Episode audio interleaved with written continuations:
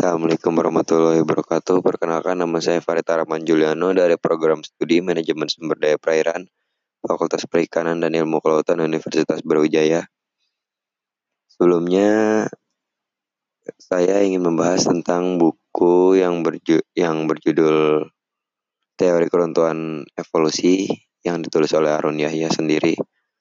Pada buku ini Harun Yahya lebih fokus mengadakan penelitian dan menulis buku-buku keislaman pada karena merasa keberatan dengan evolusi Darwin itu sendiri. Karena menurutnya ada sebuah konsep paling mendasar yang dilupakan atau sengaja dihilangkan oleh para penganut teori evolusi. Saking mendasarnya konsep ini, dukungan atau penolakan terhadapnya akan mendudukkan posisi manusia akan kepercayaan atau penolakannya terhadap keberadaan Tuhan. Konsep itu adalah tentang penciptaan.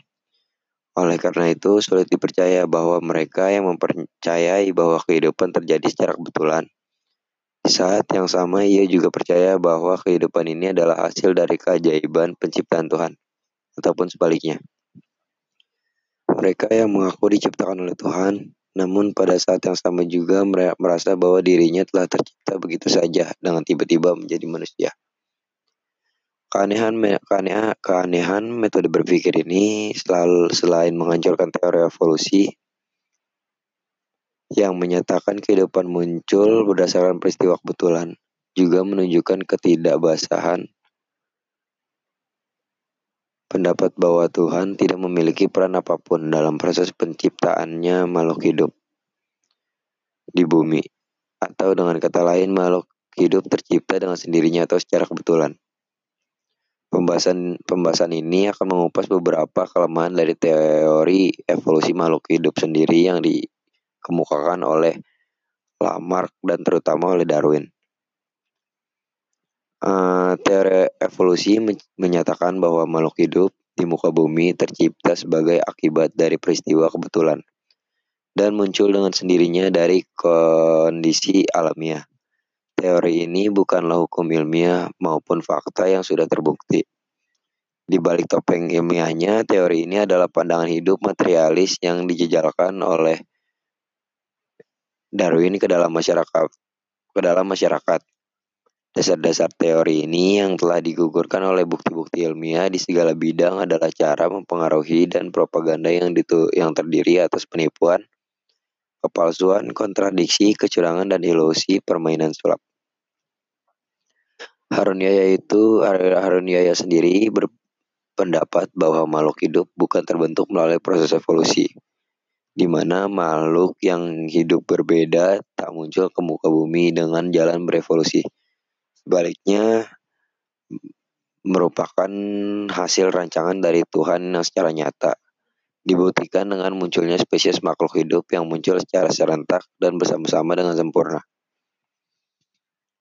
Dalam teori evolusi Darwin, ia berkata bahwa makhluk hidup termasuk manusia adalah hasil evolusi yang berasal dari makhluk hidup bersel satu.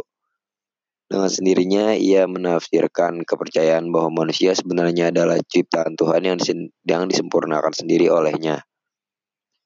Sehingga pada hakikatnya teori evolusi menurut Harun Yahya adalah perang terhadap kepercayaan tentang adanya Tuhan pencipta alam semesta. Karena sehingga secara ilmiah hal ini membuktikan tentang bahwa makhluk hidup bersalah satu yang sedang berevolusi menjadi makhluk hidup lain yang lebih kompleks tidak pernah kita temukan. Apabila Darwin benar, seharusnya sampai saat ini pun makhluk itu akan terus berevolusi, namun kenyataannya tidaklah demikian. Sehingga di dalam buku ini dari buku Arun Yahya yang berjudul Teori Keruntuhan Evolusi, Keruntuhan teori evolusi, Harun Yahya akan mengupas habis segala kelemahan dari teori Darwin tersebut.